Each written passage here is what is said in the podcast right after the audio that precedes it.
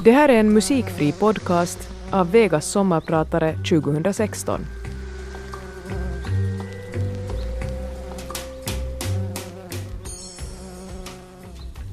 Året är 1995 och jag kommer hem från förskolan till min kompis Jocke. Hans pappa drar stolt fram en LP-skiva från hyllan där det står Kiss Destroyer. Första låten av introt, Detroit Rock City, går igång och hela min värld börjar snurra och bli alldeles vild. Jag vet att jag idag romantiserar om denna händelse som någon scen från populärmusik från Vittula. Men det var då jag verkligen visste att det här vill jag kunna göra. Musik. Jag heter Simon Sion och jag är din sommarpratare idag.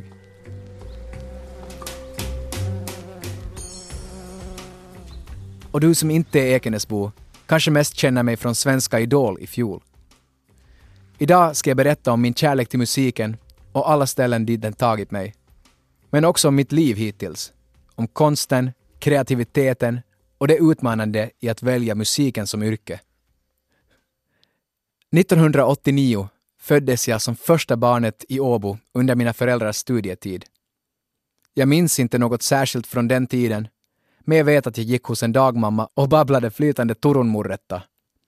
Då jag var tre år flyttade vi till Österby i Ekenäs och jag fick en underbar lilla syster Julia. Några år senare föddes min lillebror Samuel och i samma veva skulle hela familjen flytta till USA. Vi tog vårt pick och pack och flyttade till en stad som heter Ithaca som ligger i New York State. Min pappa är marinbiolog och fick jobb på Cornell University. Det mina föräldrar inte visste på förhand var att det är skolplikt för sexåringar i USA. Så jag blev tvungen att börja i en internationell klass där såklart allt gick på engelska. Språk och dialekter har alltid fallit sig lätt för mig. Och jag gissar att det beror på att jag kommer från en tvåspråkig familj i kombination med att jag har flyttat runt rätt mycket.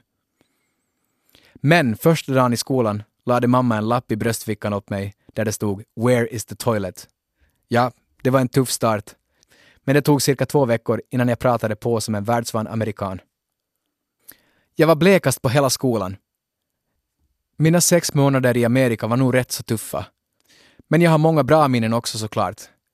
Till exempel peanut butter and jelly sandwiches i lunchrestaurangen varje dag. Väl tillbaka i Finland och Ekenäs började musiken bli väldigt viktig för mig. De enda gångerna som jag satt still var då jag var fastklistrad vid mina föräldrars stereohögtalare och lyssnade på deras gamla kassetter och CD-skivor. Bland dem fanns Creedence Clearwater, Bob Marley, Brian Adams, Inner Circle och Michael Jackson. Jag minns fortfarande lukten av de där högtalarna då jag borrade huvudet mot dem. Då jag var sju år köpte mina föräldrar en, en gitarr åt mig vilket jag är mycket glad över, då det nog räddat livet på mig mer än en gång. Det var en högergitarr, men då jag egentligen är vänsterhänt så vände jag alltid på den och spelade fritt efter att jag hade gjort den klassiska gitarrläxan, som jag hade fått av Pentti Hildén, som för övrigt var min första och förmodligen bästa lärare. Min mamma var den som lärde mig att spela ackord och spelade låtar som jag själv ville sjunga. Har säkert kvar hennes skisser på Hotel California eller Have you ever seen the rain någonstans. En tydlig milstolpe för mig var som sjuåring då jag satt klistrad vid ett musikprogram som hette Jyrki Spotlight och såg en musikvideo på Sleeping in my car av Roxette och hur Per Gessle tog ett barréackord under låten. Då var min lilla värld upp och ner igen och allt blev bara blues-tolvor och rock'n'roll. Och jag fick visa åt min yngre kompis Jocke hur han skulle banka på min mammas kastruller som jag alltid rev ut ur skåpen. Skoltiden från Österby var dessvärre ingen bra tid för mig. Jag minns mycket stränghet, rasism mot de nyanlända kurderna och mobbning av alla dess slag. En dag kom jag hem från skolan och frågade min mamma om jag inte kunde få en peruk. Och det var för att det gjorde så ont när lärarinnan drog mig i håret alldeles ovanför örat. Helvete vad ont det gjorde och vilka ärr det blev. Jag har egentligen bara ett bra minne från Österby skola och det var då det var en countryfest och jag fick uppträda med mitt band där de andra grabbarna var två, tre år äldre än jag. Då minns jag att man fick vara någon för en dag och hur till och med tjejerna blev imponerade. Och det var ball för lille herr Simon.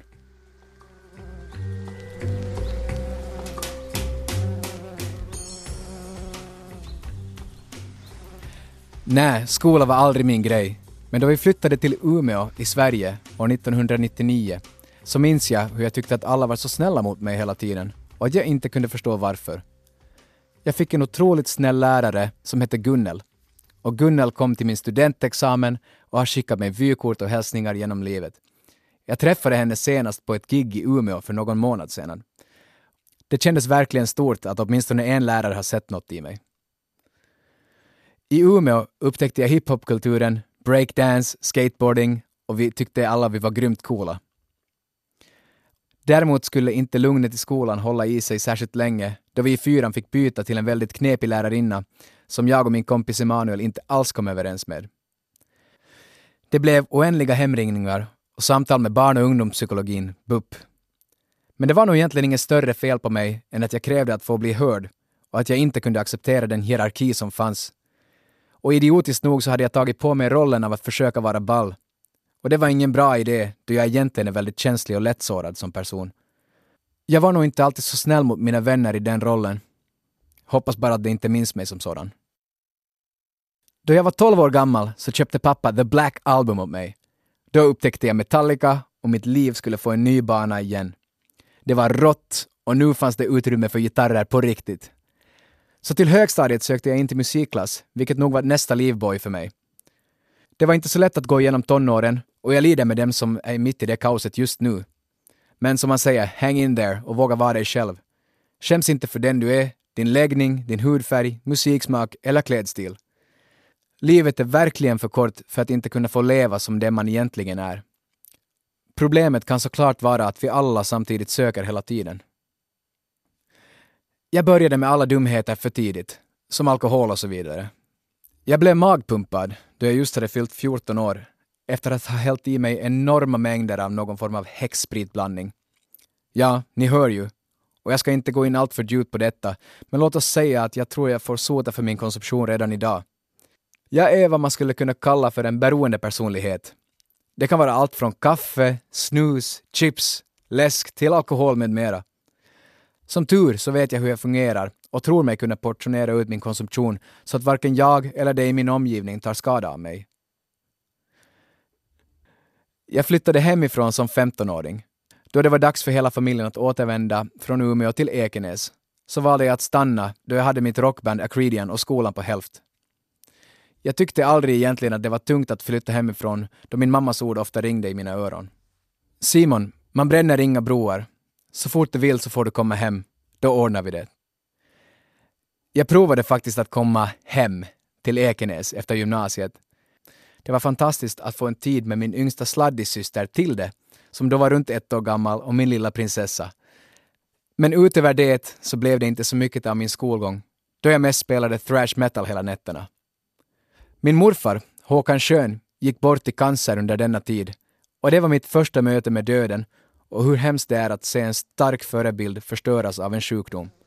Hans sista ord medan han ännu kunde prata var Var är Simon?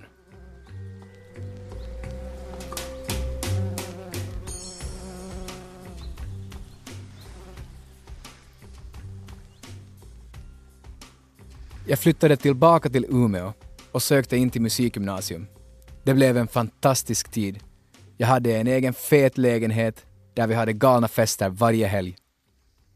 Det var under gymnasietiden som jag upptäckte jazzen. Det gick ofta snabbt, impulsivt och var rått och ärligt precis som nerven i den punkiga thrash-metalen som jag hade avgudat tidigare. Jag hade via skolan gratis inträde till jazzklubben varje torsdag där vi satt som iglar och sög in all musikalisk information som vi kunde. Under den tiden skapade jag bandet Fristad, som var en blandning av jazz och rock, mina världar. Det bandet skulle komma att bli min bebis för några år framöver. Från mitten av gymnasiet och då jag började folkhögskolan så började min övningsmani. Att inte räcka till musikaliskt för mig själv kan låta fjantigt, men det har varit en av mina tyngsta plågor genom ungdomen och in i vuxenlivet. Jag övade runt 12 timmar om dagen i flera år på min gitarr och sång och blev aldrig tillfredsställd. Det räckte inte. Det var aldrig bra nog. Det som händer efter flera år av dessa tankar är att man till slut har blandat ihop sin prestation med sin egen självkänsla och vad man är värd som människa. Vissa dagar så känner jag mig som en kung, men de flesta dagar är jag inte det. Jag måste vara ärlig och berätta att jag fortfarande jobbar på detta nästan dagligen och har inte direkt några bra svar ännu. Och detta ledde även till slutet på ett långt förhållande där jag sårade en annan människa väldigt djupt på grund av mitt kall till musiken. Och en sak till i ärlighetens namn är att jag inte vet hur mycket av mina filosofier och tankar som du som lyssnare kan relatera till. Jag har varit så insnöad i musiken under de senaste tio åren att det lett till att jag ibland har svårt att sätta mig in i andras vardag och ett vanligt liv, då jag aldrig har haft något sådant, utan så hängivet ägnat mig åt det som har varit mitt kall och varit under min egna piska. Jag kan suga åt mig sånt som jag fascineras av till 110 procent, vilket gör att jag ofta kan vara ganska trött och disträ, speciellt om våren. Det är inte min årstid. Och jag tror att det kan vara så att jag med nya krafter bränner hela sommaren, genom hösten och vintern, men någonstans tar alltid orken slut runt mars-april. Än en gång, tur att man vet hur man fungerar, i alla fall så man kan jobba med sig själv.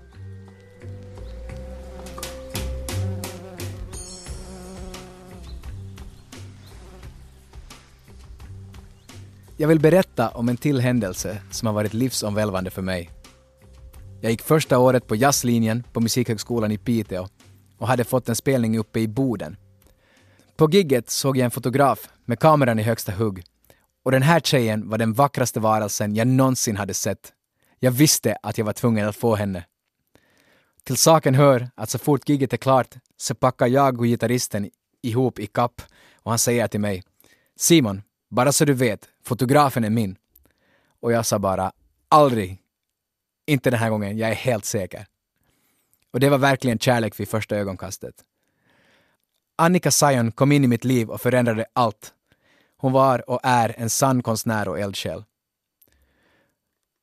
Hon fick mig att inse att musiken och konsten går hand i hand med allt annat som händer i livet. Kärlek, resor, spontanitet, kreativitet.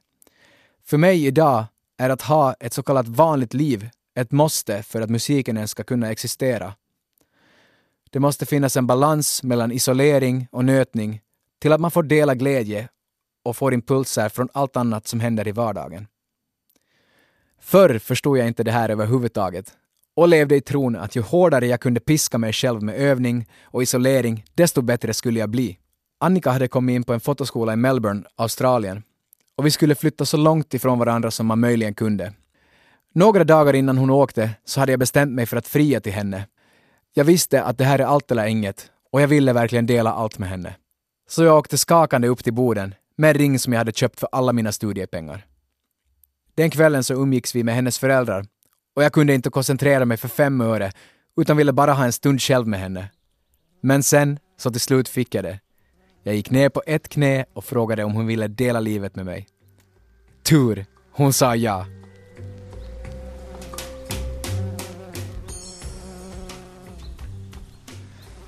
Annika hade flyttat till Melbourne, 15 329 kilometer ifrån mig. Och då kunde jag inte koncentrera mig på något annat än att sakna henne. Piteå var inte särskilt stimulerande just då. Då jag någon månad senare åkte och besökte henne så hade jag tagit kontakt med ett jazzkonservatorium i Melbourne och arrangerat så att jag fick åka dit och söka till den skolan under min vistelse. Jag blev antagen och nu skulle mitt liv förändras igen. Jag flyttade till Australien och bodde med min fästmö och läste på Monash Jazz Conservatory. Det var en fantastiskt bra tid i livet. Efter att jag läst en termin där och Annika ett år på sin skola så valde vi att vi var klara med studierna och hade tillräckligt med kött på benen för att leva som musiker, respektive fotograf. Målet var Berlin, men innan det så skulle vi resa runt det vackra Australien och bo i en van som vi köpt som vi kallar för Vännen. Det var en taskig Ford Econo-van där man hade tagit ut sätena där bak och stoppat in en queen size bed. Helt perfekt. Någon månad innan skolan var över så hade vi pratat mycket om att dela allt i livet och om att skapa ett liv tillsammans. Det var ett stort val och jag hade aldrig känt att det skulle finnas plats för ett barn i min verklighet förut. Och det var helt galet när vi fick veta att vi väntade ett litet mirakel. Jag är så himla glad över att vi har vår dotter som fyller tre år i sommar. så som vi lever idag, ett rätt hektiskt liv i Stockholm, så jag är inte säker på när vi hade hittat harmonin till att skaffa barn om vi inte hade gjort det när tiden precis var rätt nere i Australien. På vår resa runt den stora kontinenten så spelade jag på gatorna för pengar till mat och bensin. Gatumusik var helt nytt för mig och kändes jobbigt i början. Men när jag sedan märkte hur vänlig inställning australiensare hade till jam på gatan så var det bara kul och vi fick rätt bra med pengar att resa för. Mitt spelande gjorde så att vi blev bjudna till diverse olika ställen. Bland annat så bodde vi några månader hos en hippiefamilj i djungeln på östkusten några timmar från Byron Bay. Det var verkligen en spirituell tid och därifrån har vi tagit mycket inspiration, inte minst batiken, som Annika nu har rekonstruerat i en skandinavisk modetappning. Det var en speciell och fin tid på många sätt, trots att det nog var rätt påfrestande för Annika att vara gravid on the road. Och jag hade nog svårt att hänga med i processen och att vara tillräckligt lyhörd ibland.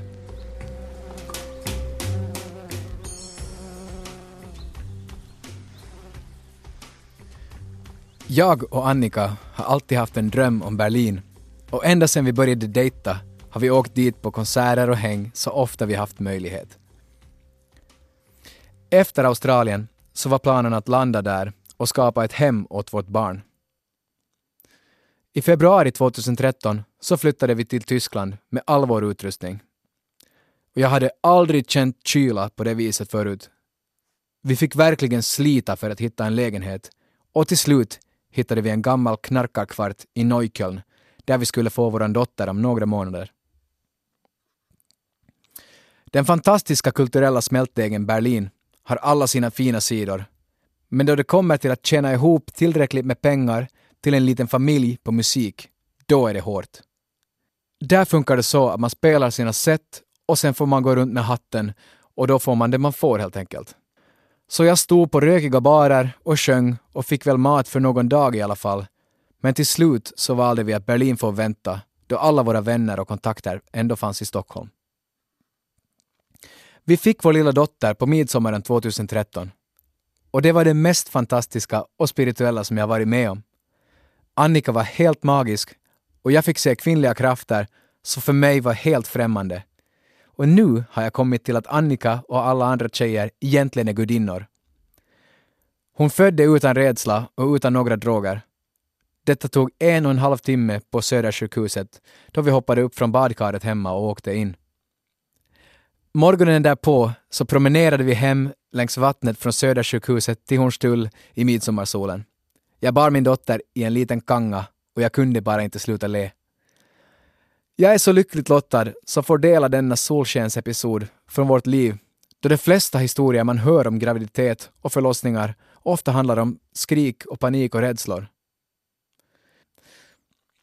Det finns tyvärr ett mörker som följer efter födseln av vår dotter. Jag hade aldrig haft kniven mot stämbanden på det här sättet förut. Jag fick spela runt 140 gigs om året för att ha råd med Stockholmshyror och priser.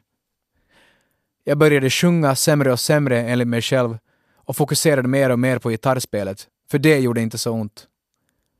Till slut hade stora delar av mitt röstomfång dött och jag var tvungen att kolla om det var något fysiskt fel på mig. Då jag fick veta att jag hade en knöl på mina stämband så var lättnaden så stor att tårarna bara rann. Det var ingen fel på min teknik. Det blev operation och allt gick som tur är bra, så jag kunde gigga försiktigt redan efter en månads läkning. Det som jag kan känna nu när jag har fått distans till vad jag har gjort under tre år som frilansmusiker, innan Idol, är tyvärr att jag hann bli något cynisk om vad musik egentligen betyder för folk. Och ibland kallade jag det att spela för döva öron jag är ingen typisk clown som tycker om att bjuda på “Jag vill vara din Margareta” ännu en gång på en företagsfest. Then you've got the wrong troubadour. För mig är musik helt och hållet konst och känslor som sen i sin tur kan underhålla eller entertaina om det kommer från något som i grunden betyder något annat än pengar för skaparen.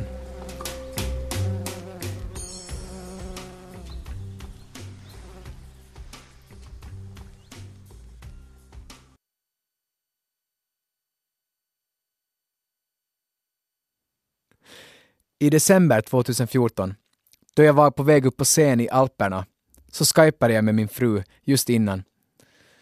Och då sa hon att hon hade bokat in mig till Globen samma datum om ett år.